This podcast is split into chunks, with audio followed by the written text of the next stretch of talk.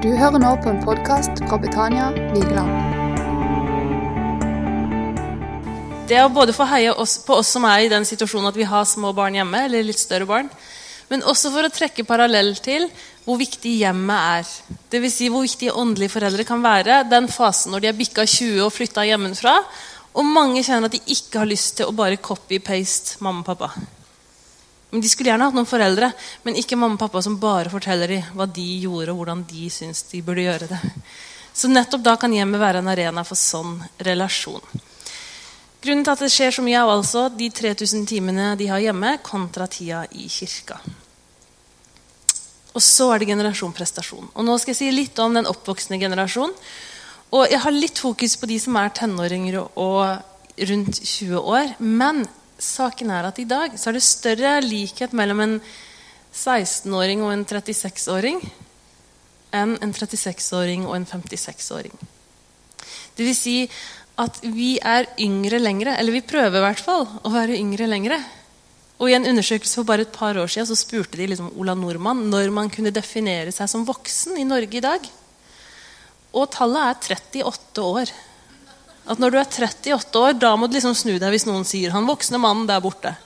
Og før det så kan man faktisk både ha hatt Villa, Volvo og Vovov. Altså veldig mange av de der ytre voksenpoenga. Men inni seg så liksom er man fortsatt liksom 16 og sitter og digger og spiller gitar på gutterommet. Altså den der følelsen av å være ung. Og den sier jo fortsatt min mamma på 72 at 'å, jeg er 16 inni meg'. Den tror jeg lever. Den tror jeg lever i oss, de eldste blant oss. At de kjenner seg så unge inni seg. Forskjellen er at mange nå opp i både 20- og 30-åra også lever som om de fortsatt er i de der litt forpliktelsesløse eh, begynnelsen av 20-åra. Eh, og utfordringa da er jo hvis alle skal være unge, hvem skal være voksne da? Og hvis alle skal være kule, hvem skal være trygge da? Ei mor kom til meg og sa Torbjørg, vet du, jeg bruker samme bukser som tenåringsdattera mi. Hun var så kry. Og så tenker jeg liksom, Hvor gøy er det for datteren din, da?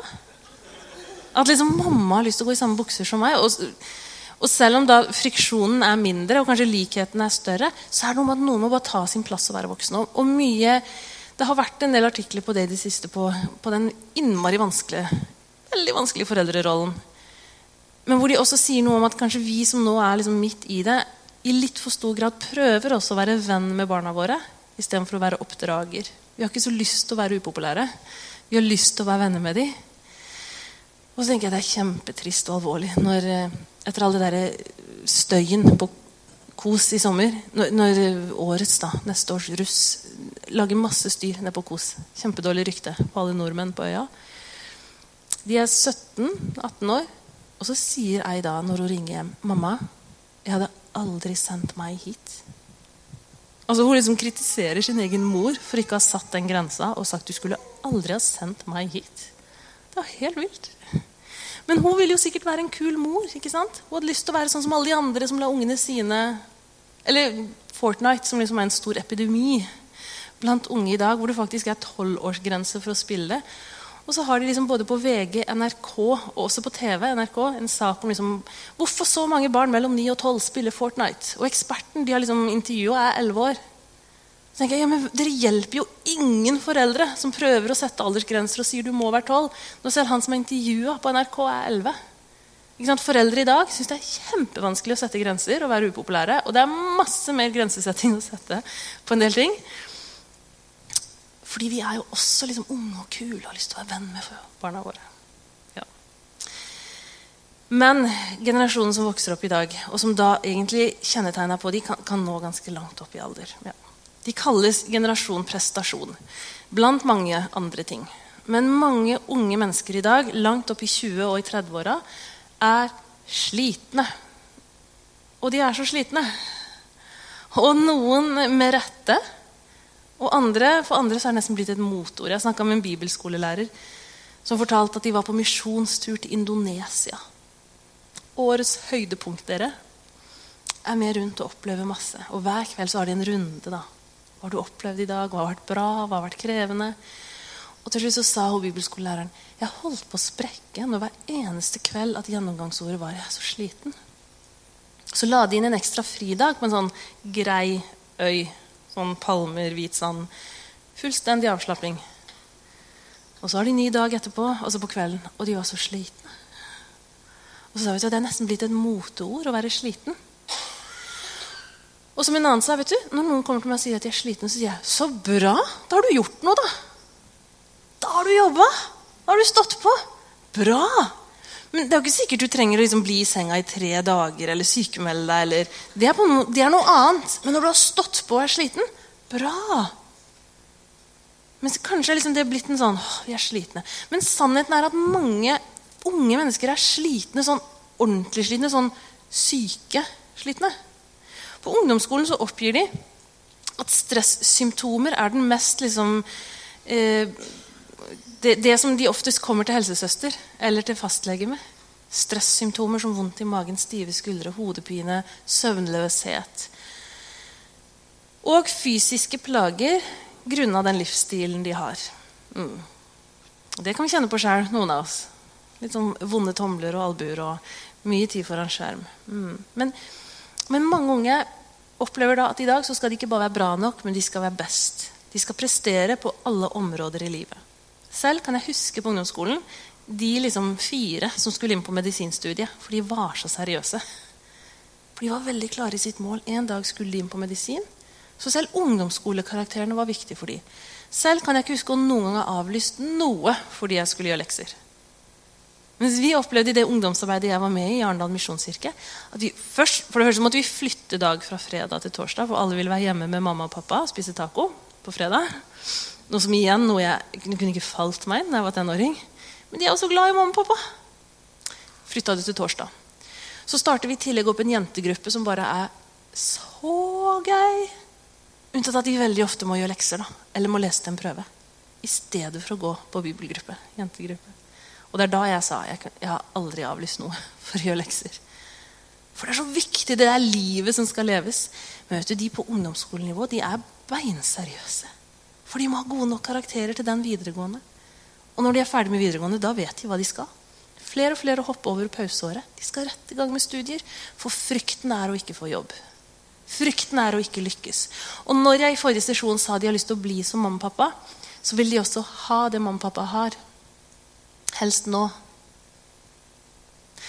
Mine barns oldemor, altså Steins bestemor, er 92 år. Og jeg husker hun fortalte vi satt rundt i, i hjemmet så sa hun jeg husker når vi hadde råd til å kjøpe det stuebordet. Det var en stor dag. Da hadde vi spart. Så sparte vi enda noen år, og da hadde vi råd til sofaen. Mens mange unge i dag skal helst ha det mamma og pappa har nå. Kjøpt, eid eller kanskje lånt. lånt penger til. Så man har noen ganske urealistiske forventninger til hvordan livet skal se ut ganske kjapt. Og dermed må man jobbe ganske tidlig for å oppnå de måla. Fordi skrekken ligger der ganske tydelig. Og når man da i tillegg til dette skolearbeidet drømmer om å bli Norges neste stjerne, ikke sant? og du vil helst bli kjendis og kjent igjen på gata Men så spiller jo alle Fortnite, og jeg må henge med. Og jeg må ikke komme bakpå der, som bruker mye tid på å game og spille. Mens andre lever et vilt sosialt liv på nett, hvor det er viktig å følge med. Det er viktig å sjekke snapper. Så mange oppgir dårligere nattesøvn fordi den telefonen ligger og piper, og da er det bare å fyke opp og respondere. Så De lever altså på så mange arenaer så kjenner de krav, de kjenner et press på å lykkes. Og ikke bare være bra, men å være best. Og Dermed er noen helt reelt og sant slitne. Og det ligger mange unge mennesker rundt om i mørke rom og er vårt lands symptombærere på et altfor høyt tempo. Og så er også det bildet sammensatt. Men det sies om unge i dag at de oppfører seg bedre enn noensinne før. Mm, politiet sier at det er mindre kriminalitet, det er mindre fyll. Eh, de debuterer seinere seksuelt, de drikker mindre, det er mindre rus. Og så kan du jo tenke at hver mai som motbeviser den oppvoksende generasjonen det. Og det er kanskje det liksom unntaket. Man raser skikkelig fra seg da. Noen, i hvert fall. Men sånn generelt så er også det presset på liksom, ja, men jeg skal på skolen på mandag, jeg må være i form. Eller det å være i form, det å trene, være flink i idrett, det er et krav. Og kanskje kan nettopp dette skolepresset være noe av årsaken til at så mange slutter i ting på videregående. Fordi de skal gjøre lekser i stedet. Eller de velger seg ut liksom sin nisje, og så er det bare det de skal gjøre. De spesialiserer seg tidlig. Eh, og så lurer vi liksom på hvordan blei det sånn her? Hvorfor fikk vi så mange som er helt avhengig av likes og bekreftelser for å liksom leve? Husker jeg satt sammen med en gjeng og var sammen. Alle satt på hver sin telefon, som jeg poengterte. Koselig å være sammen med dere. Satt de og scrolla, da. Så sa jeg åh, kunne ønske jeg var like lykkelig som jeg ser ut som på Instagram. Hun falt for løgnen hun selv presenterte. Jeg kunne ønske at livet mitt var like fint som det jeg legger ut på nett. Men kontrastene er store. I nyere undersøkelser så står det også om studenter i dag. At så mange opplever at studietida er kjempekrevende og en veldig veldig ensom tid. Um, igjen så er det dette presset om å lykkes, det man skal bli, og man skal bli det kjapt. Mastersyken brer om seg, sier de av og til i media. Men det er det at det holder ikke lenger å ha en bachelorutdanning. Du må ha en master. Og likevel så kan du ende opp med å jobbe på Kubus.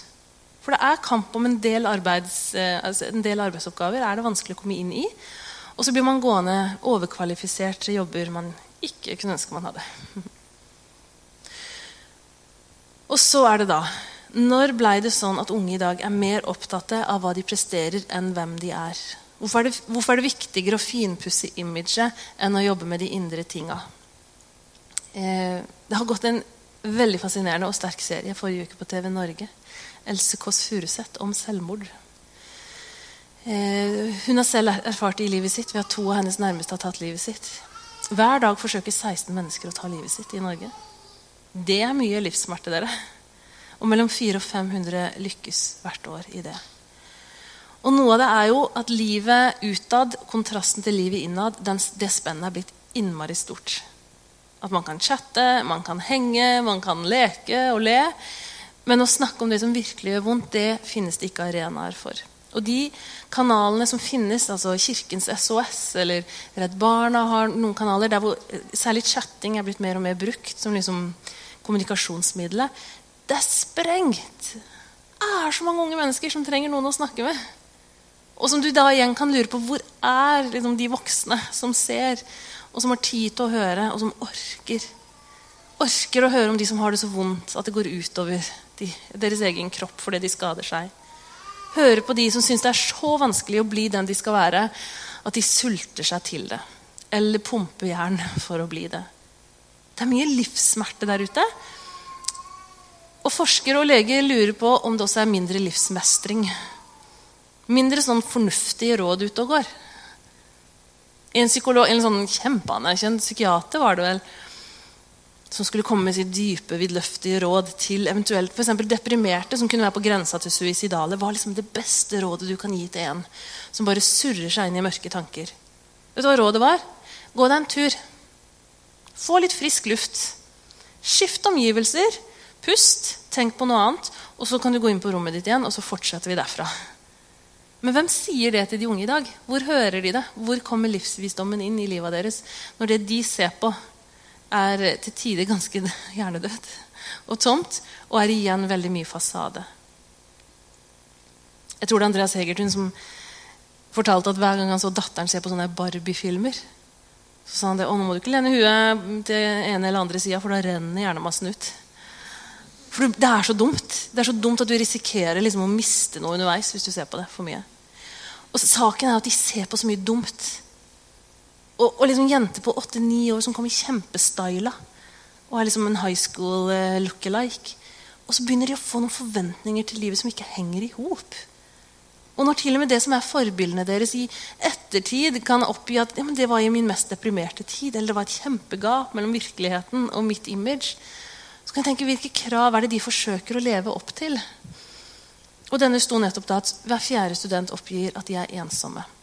Og de sier at en medvirkende årsak er sannsynligvis at du kan sitte på den nye, litt tomme hybelen og se at alle andre er ute og gjør noe. Alle andre henger. Alle andre leser. Er på fest. Og så forsterker det ensomheten. Og så har man få verktøy til altså Hva gjør jeg når jeg er aleine og tankene mine blir mørke? Noe så enkelt som å gå deg en tur. Og for noen så er det det Hadde jeg hatt noen å ringe, hadde jeg hatt noen å snakke med, så hadde det hjulpet. Og bare en, Som en apropos til det, den serien om selvmord som jeg anbefaler å, å, se, så er det utrolig trist at det er så mange gutter, er en overvekt av gutter som tar livet sitt før de er 25 år gamle. Og kanskje i ekstra stor grad utsatte fordi det er mindre akseptert å snakke om følelser og være ærlig med hverandre. Og da tenker jeg bare igjen de her åndelige foreldrene. Ikke bare i bakdøra, men inngangsdøra. Hvordan kan vi være der for den neste generasjonen, som tilsynelatende ser bra ut, men som kan streve med livet sitt? Hun her hadde klippa seg og oppdaga at hun hadde jo ingen å vise til. At hun hadde klippet seg. Ny i Oslo. Så tok trikken gjennom byen for at noen skulle se meg, sier hun. Og så kan du tenke at det her blir dystert. Ok, De oppfører seg innmari bra, men selv det gjør de egentlig som en sånn prestasjon. Mange er slitne de, de, gjør det godt. De er flinke, de er talentfulle. Og også i kristen sammenheng så tenker jeg at de er frimodige, de er ofte talentfulle, de leder mye an i lovsang. Og så kan man liksom tenke åh, de trenger jo ikke oss, det går så bra. Og så må vi ikke la oss lure av fasade. Og så er dette 2018. Og så er jeg så glad for at Gud ikke er oppgitt over 2018. Gud er ikke stressa over 2018. Gud er ikke sånn Oh no, hva gjør jeg nå? Internett hadde jeg ikke forutsett. Hva gjør jeg nå? Gud lengter ikke tilbake til 60-tallet eller 1800-tallet. Gud er her nå. Og hver eneste utfordring vi møter, har Gud et svar for. Hver eneste problem og utfordring har Gud en løsning på, og så har han gått foran oss. Ok, Så når vi liksom ser bildet nå og det her vil jeg bare si, det her, Mange av de her kjennetegnene det strekker seg langt opp i 20-åra, i 30-åra, i småbarnsfasen, hvor vi pynter de her små og legger de på noen flotte ullpledd. Og sender ut masse bilder av de istedenfor å si melkespreng, kjempesliten, sover ikke, litt deppa. Men alt folk ser, og at vi sier til neste gjeng da, som skal få barn, er bare gled deg, det er så idyllisk. Så gir vi noen sånne urealistiske forventninger, og det gjelder i ganske mange faser. Så slitenheten brer seg også oppover. Men i alt det da, i alt det som kan være liksom prestasjon og litt sånn Jeg kunne ønske jeg var så lykkelig som jeg ser ut som utad. Så tenker jeg at evangeliet er høyaktuelt. Jeg tenker at Det er som skreddersydd for 2018. For tenk så deilig å fortelle de her da, at det er gjort ferdig. Du kan slutte å streve. Det aller viktigste i livet ditt er tatt hånd om. Hvem du er, og hvor du skal, det kan du finne i Jesus. At du er elska, du er dyrebar, ja, du er dyrekjøpt. Det er en som sier at 'jeg slipper deg ikke, jeg svikter deg ikke'. Det var en som var villig til å gå i døden. Før du kjente han, så elska han deg høyt nok til å dø og stå opp for deg. Så det livet du nå lever, det skal du slippe å leve for deg sjøl. Og, og, jeg pleier å si at vi, vi, vi, forkynner kanskje litt for lite om 'kom til meg'. Eh, så, og du, hvis du legger ned livet ditt for meg, og hvis du mister livet ditt for meg, så skal du finne det. Vi sier litt for lite om 'ta opp ditt kors' hver dag. Legg ned ditt eget. ta opp ditt kors. Kanskje fordi det er litt vanskelig vers, og vi vet ikke helt liksom. Vi tar det litt seinere. Men kanskje er nettopp befrielsen Jesus tilbyr oss i å legge ned vårt eget, det er godt nytt. Å ta opp hans kors. For han sier at hans åk er lett. Hans byrde er god. Han sier at å, leve med han i hans tempo, i hans vilje, det er godt. Det er riktig for deg. Det kommer til å passe deg å leve med meg. Og så er det gjort ferdig. Og Tenk at vi har en som sier 'Kom til meg, alle dere som strever'. Så mange opplever religion som strev. Mens vi har en som sier 'Kom til meg, du som strever', og har tungt å bære. Og jeg vil gi hvile til alle de slitne, både unge og gamle. Evangeliet er godt nytt for vår tid. Det er fantastiske nyheter for en generasjon som tror at de må prestere for å enten det ene eller det andre. Og så er det samtidig en tankevekker da, at vi kanskje har pakka inn forkynnelse til unge mennesker særlig i en sånn å, Jesus er god, og du er kul, og dere skal bli bestevenner og henge. Så blir livet bare helt fantastisk. Karikert. Men vi har liksom pakka Jesus inn i litt sånn rosa glitter, for vi håper de har lyst til å like han og komme her. Og så er det faktisk en gjeng som lengter etter å få lov til å legge ned sitt og få lov til å ta opp det som er hans. I en kronikk i Vårt Land for noen måneder siden så var det en videregående lærer som hadde en samtale med sine elever i hva enn det faget nå heter, KRLE, hvor eh, ei sa Jeg misunner og beundrer egentlig muslimene litt. Fordi deres tro får i hvert fall innvirkning på hverdagslivet deres. Mange hadde sett Skam, hvor de blir presentert for ei som selv på fest ruller ut bønneteppet og ber. For det er hennes dagsrytme. Som lar troen få innvirkning. Ja, de, de faster til og med. Lenge. Og så sa de hvis det å følge Jesus faktisk hadde fått liksom praktiske konsekvenser, så hadde det kanskje vært mer tiltrekkende òg. Oh, oh. Hva er det vi har forespeila de å tro på Jesus her? Jo, ta med Gud på laget, og så fortsetter dere to sammen som sånne bestevenner, og så blir alt så bra. Og så blir jo ikke da livet alltid så himla bra eller enkelt. Hva er det da vi liksom sier at kristenliv og Jesus-etterfølgelse er? Jeg tror kanskje det er en gjeng som vokser opp i dag. Jeg skal si mer om det i kveld som vi må være med å gi Jesus ekte vare til. Og vi må begynne å snakke om etterfølgelse. Fordi de vil heller det enn det vi har trodd at vi ga dem i vår godhet. Ja. For det som skal være kult, det blir like fort ukult. Og det som er følelsesbasert, det kan like fort gå over. Så hvis troslivet er liksom bakgrunnsmusikk og levende lys og gåsehud, så vet jo alle at det går fort over. Så hvis deres forventninger til troslivet også er liksom siste kveld på leir, så er det ikke rart at mange faller fra på mandag. For da er det noe annet. Og det er noe annet som må trå inn. Mm. Så det var noe om de som er unge i dag. Og så skal jeg snakke om de savna. Ja, for det er en hel generasjon som er savna. Du har hørt historien. Jesus han er ute og jakter den ene. Han har forlatt de 99, og så leiter etter den ene sauen som har gått seg vill. Det er både en søndagsskolehistorie, men også en alvorlig historie som bør være liksom menighetsbyggende. Det si Være med å danne fundamentet for hvorfor vi er menighet. Vi er kalt til å gå etter den ene. Og jeg har allerede sagt noe om tallene når det gjelder barne- og ungdomsarbeid. Som også nå til og med er reflektert i norske tall. Vi mister mange, så det er mange å gå ut og leite etter. Men min nød de siste åra har også begynt å røre seg rundt den voksengenerasjonen som har gått seg vill. For i de aller fleste menigheter, selv i folkekirka, hvor du tenker det er en veldig sånn trofast gjeng, i de aller fleste menighetslokaler så står det noen tomme stoler. Der det pleide å sitte noen. Og de var her mye. Kanskje født og oppvokst og så har de tatt med barna sine. Og så har de drevet søndagsskole. Og så blir ungdom, barna deres ungdommer, og så har de stekt Grandiosa. Og så flytta ungene ut. Og så var det innmari deilig, egentlig. For nå trenger de ikke være her hver søndag klokka 11 for å liksom statuere et eksempel. Nå er de fri. Og mange opplever at i den livsfasen hvor barna har flytta ut, eller de ikke lenger får med tenåringene sine i kirka, så faller også de liksom fra rytmen av å være i kirka hver søndag. Og i den livsfasen hvor man kanskje har aller mest frihet Man har ofte bedre økonomi enn den mest pressa småbarnsfasen. De aller fleste er friske og raske, sånn gjengs over. Og så jobber man, men man har plutselig fått fritid etter at man har liksom fått lov til å si opp som privatsjåfør. Så det er jo egentlig en helt genial livstid til å tjene enda mer. Og så ser vi allikevel at så mange drar på hytta. Og jeg tror det er flere veier dit. For noen så er det at de sto her.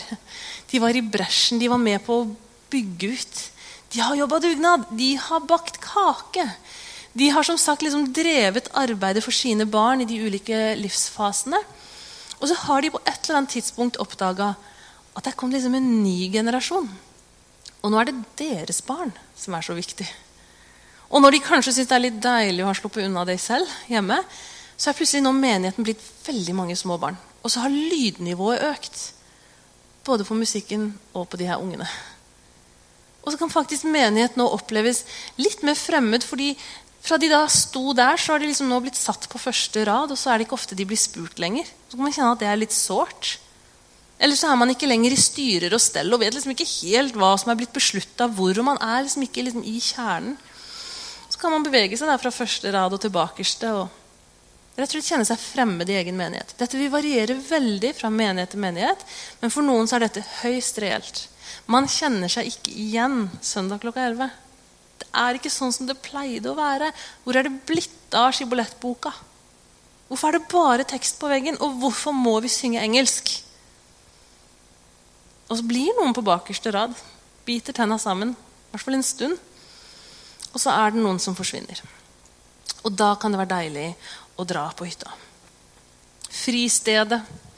Stedet som får stadig mer tid, og oppmerksomhet og oppussing. Blant Ola Nordmann generelt. Men jeg tror også at hytta er menighetslivets eh, en av de sterkeste konkurrentene til menighetsliv rundt om i landet vårt. Mm. For det er deilig å tenke på seg sjøl nå. Før så sang Wenche Myhre 'Når jeg blir 66, så gjør, så gjør jeg som jeg vil'. Det er altfor seint. Kanskje når jeg blir 50, så kan jeg gjøre som jeg vil. Ei av de jeg intervjua i boka, hun sa så sårt. Hun hadde vært mye hjemme hos familien til venninna si. De vokste opp et litt mindre sted. På videregående de tre åra der så var hun mye hjemme hos venninna si. Hun opplevde at deres, hennes foreldre, da, venninnas foreldre inkluderte henne. Det var en annen stemning der enn hjemme hos henne.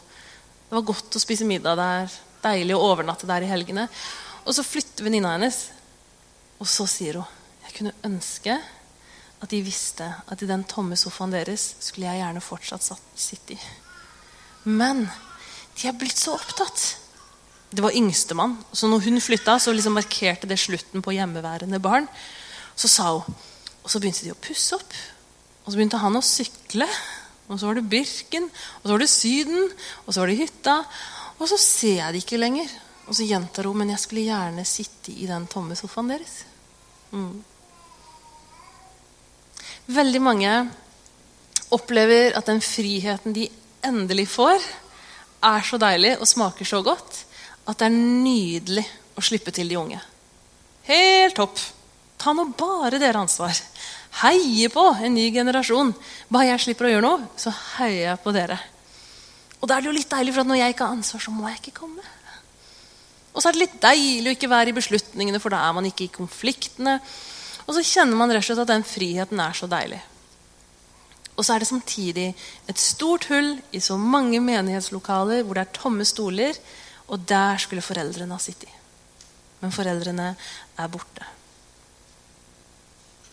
Og Det kan jo hende at dere har unnsluppet problemet helt her på Vigeland. At det er et sånn storbyfenomen. Men mange sier jo også at jeg savner mine venner. Jeg savner mitt nettverk. Jeg savner de jeg var her med. Og alle barna våre løp rundt, og vi var engasjert. Og nå er de bare blitt borte. Ei jeg snakka med, sa det. Vet du, Datteren min har flytta til Oslo, og nå er det blitt enda viktigere for meg å gå til gudstjeneste hver søndag. For det er så viktig for meg å vise henne at jeg gjør det ikke bare for deg. Det var ikke bare for din skyld at jeg var her hver søndag klokka 11. Men den dagen der du som skal velge selv, eller som har barn som er store, så skal du fortsette å gå til kirke for din egen skyld. Så for henne så var liksom det eksempelet bare blitt enda tydeligere og sterkere for henne å vise nå når ikke barna lenger var der hver gang. Men ringte de søndag klokka tolv, så var det ikke mamma de fikk tak i. Da var det kirketid. Og så vet jeg hvor mange dilemmaer foreldre står i. Skal vi dra med tenåringene våre på et møte som bare ikke er tilpassa han? Blir det bare at han får det i halsen? Og vi må finne vår vei og balansen i hvor mye vi presser, hvor mye vi lar gå. Men nå snakker jeg om når man liksom er fri til å selv bestemme over helgene sine. bestemme over tida si. Da tror jeg mange altfor tidlig pensjonerer seg. Ikke bare fra ungdomsarbeid, men fra menighetsliv. De eldste iblant oss i norsk kirkeliv i dag, de er trofaste. De er lojale. Noen av de blir sittende hjemme fordi de ikke lenger kan kjøre, men heldigvis blir mange henta. Men kan de, så kommer de. Og jeg opplever faktisk at blant de eldste så er det en større velvilje eller en større aksept fall, for endring. For de har liksom gitt opp litt at det er de som er primus motor. De ser begrensningene sine, de ser at helsa gjør at de er på et sted hvor de ikke lenger skal stå på. Men de er med og ber. Det er en bedende generasjon. Men kanskje de som er sirkelen litt slutta, så går de liksom litt tilbake og sier Velsigne dere unge. Jeg husker når jeg var i Salem misjonskirke i Kristiansand. Så var det ved Guds nåde en stund hvor det bare kom så mange studenter. Vi kunne være opp mot 500 studenter på søndagskveldene. Og på galleriet satt Jenny på 80 år da med ørepropper. Og så satt hun og takka Gud for bønnesvaret sitt. Og ikke hennes type musikk. Og ikke hennes stil på møtet, men jammen om hun skulle gå glipp av sitt bønnesvar. Så hun satt på galleriet og takka Gud og stengte ute den verste lyden. Det krever en modenhet som jeg godt forstår at kan være vanskelig å mane fram når man fortsatt egentlig kunne vært med å bidra. Når man lurer på hvorfor jeg liksom bykka 45, er jeg virkelig for gammel til å lede lovsang? Er det bare de unge som skal? Ja. Og det er nemlig neste punkt. Hva er det som gjør det så innmari vanskelig å være sammen? Det er denne musikken. Vi kan komme her og hilse på hverandre i ganga, og det er klemmer og det er gode ord. Og vi kjenner på fellesskapet, styrken i å være flere generasjoner. Og så kan den første tonen slås an i lovsangen. Og Det kan enten være et orgel eller en elgitar, men du vil få salen til å dele seg i hvert fall to. Og så vil noen kjenne seg helt hjemme, og den sangen elsker jeg. Og andre vil kjenne seg så fremmedgjort. Den har de aldri hørt før. Og jeg tror I de sammenhengene jeg har vært i, så er dette de såreste samtalene. Dette er samtalene med høyest temperatur og sterkest følelser involvert. For eh, historisk sett så har det vært et større mangfold når det gjelder musikk, enn det vi ser i norsk kirkeliv i dag. Da tenker jeg kanskje først og fremst på det frikirkelige, som ikke har en så liturgisk oppbygging av gudstjenesten som folkekirka har. Men tro du meg, det har vært mye krangel på liturgifornyelse også i folkekirka. Men for oss da som står litt friere, så har dette med musikk bare blitt mer og mer brennbart siste åra. Fra 70-tallet av og Jesusbevegelsen på eh, 70-tallet ja, i USA så kom disse enkle versa av tilbedelse og overgivelse som ofte ble repetert om og om igjen. De var et uttrykk for en fornya Jesu-kjærlighet. Mm. Og så spredde de seg. Og de spredte seg ganske fort. Og så var lovsanger en del av for starten til oasebevegelsen. Da var liksom lovsang noe å kjennetegne, som også var veldig fremmed, men som for noen da var et kjempedeilig sånn alternativ på sommeren. For det var noe helt annet enn liturgien i folkekirka. Og så har lovsangen bredt mer og mer om seg til nå å være den så å si enerådende eh, uttrykksformen musikalsk sett i de fleste menigheter. Og når jeg sier at jeg reiser mye rundt i forskjellige norske kirkesamfunn, så er det jo veldig greit for meg for jeg kan alle sangene overalt. For vi synger det samme. Ja.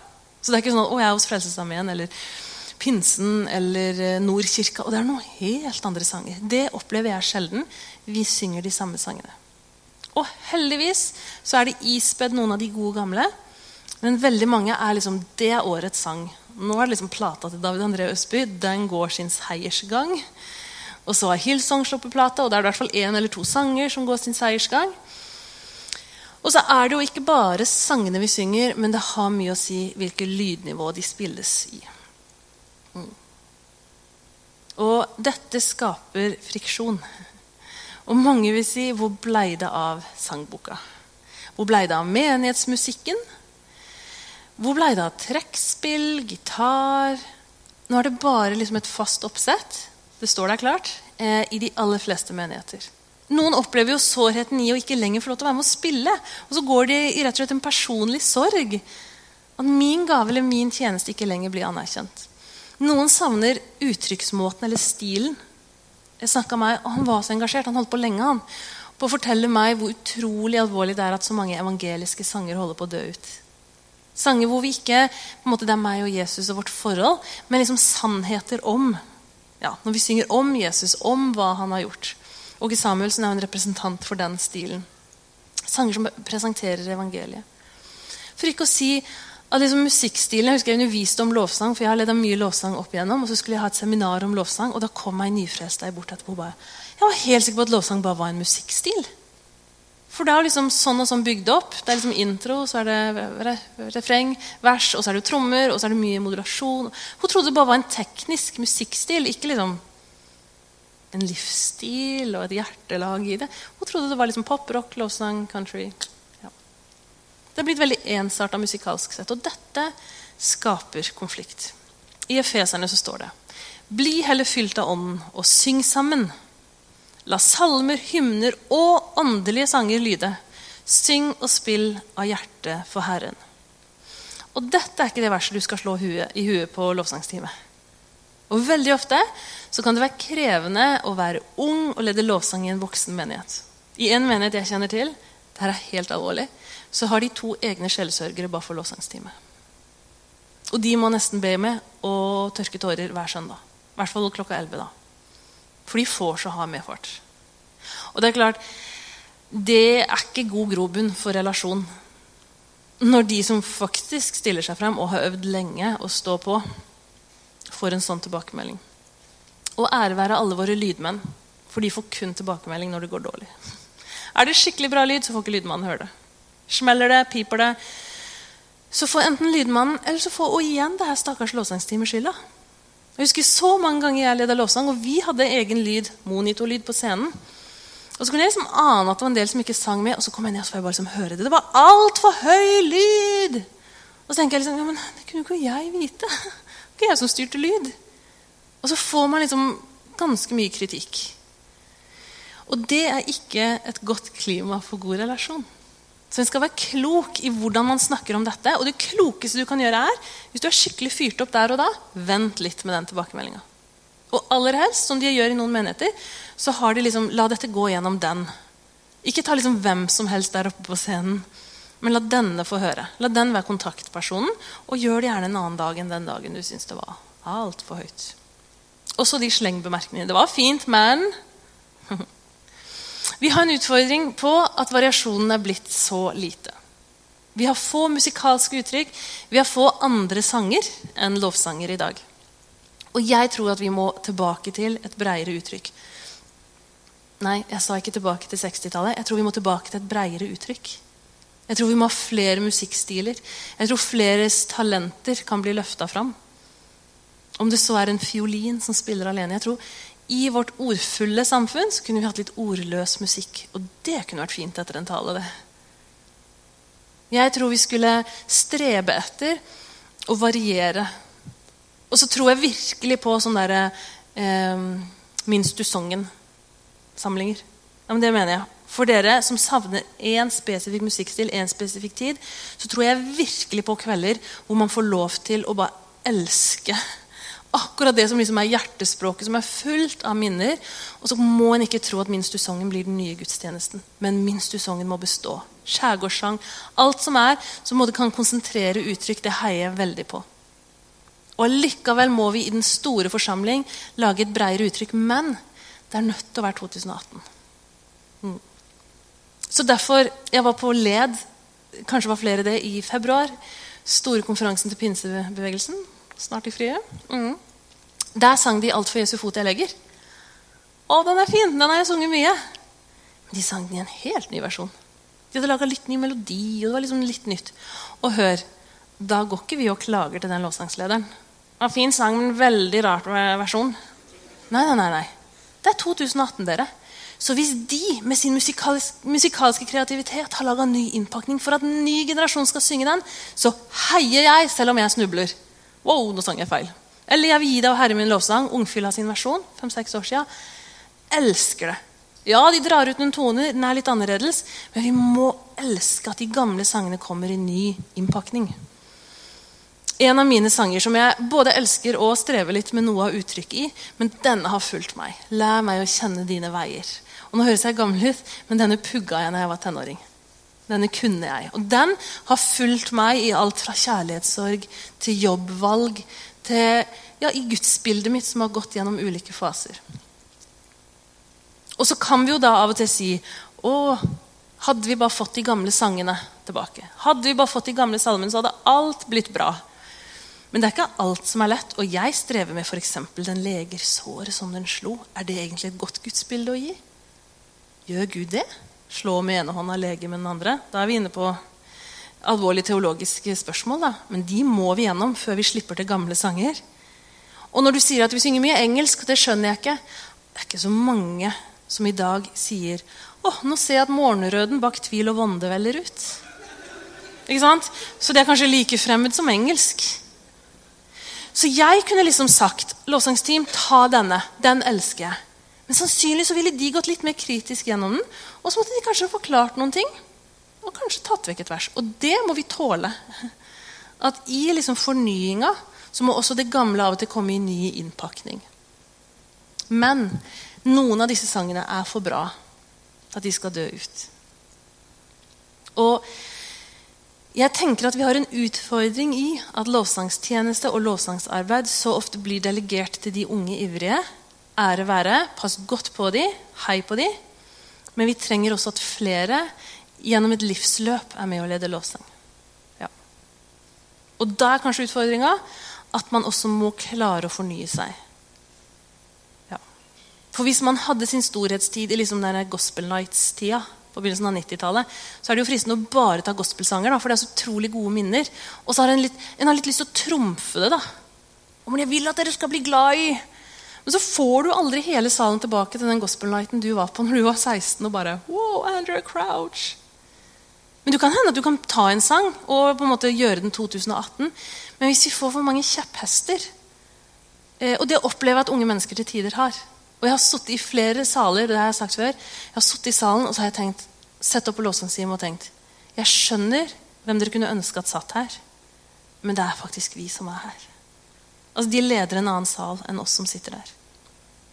Det er for høyt, det er bare engelske sanger. Dette hadde passa på en ungdomskveld, men det er vi som er her. Led oss. Så større mangfold, mye større raushet med hverandre og nåde. Eh, men jeg tror faktisk at tida er inne for å utvide det musikalske bildet. Og Det betyr ikke at vi hiver noen barn ut med badevannet og sier at nå er vi ferdig med lovsang. Jeg tror det er noe Gud gjør i vår tid, at han gjenoppretter intimiteten og nærheten. Og i en tid hvor mye går fort, så kan vi ha godt av å grunne på noen av de versene vi synger om og om igjen. Men som jeg pleier å si før pausen, er at bilkjøring har forandra seg siden jeg fikk barn. Før så var det å kjøre bil utrolig deilig. Det var jo tida for uh, høre på taler, musikk Ja, jeg elska å kjøre bil. Og så fikk jeg barn. To barn. Ikke alltid jeg elsker å kjøre bil lenger. I hvert fall ikke så langt. Og jeg vet i hvert fall at det jeg hører på i bilen, er noe veldig annet. Denne CD-en har vi spilt i stykker. Gynge lite grann. Og de er så banale, og de er så enkle, og det er om og om og om igjen.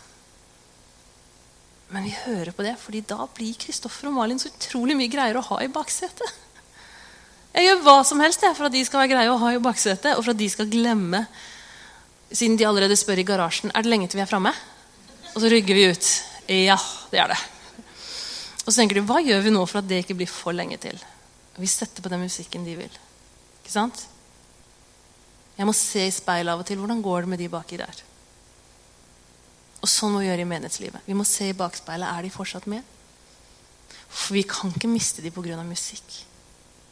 Vi kan ikke ha at en eller annen holdt på å si, en voksen person fra Vigeland kommer inn på gudstjeneste og tenker wow, dette var som et museum. Synger man og spiller man sånn fortsatt? Nei, nei. De skal tenke wow, dette var 2018. Så er det ikke musikken som kanskje får folk til å bli, men den får de i hvert fall innenfor dørstokken. Så vi må se i bakspeilet. Er de med? Mm. Og som voksen, som forelder, som den som er kalt til å gi det videre, så er utfordringa å av og til måtte dø litt fra seg sjøl når det gjelder musikk.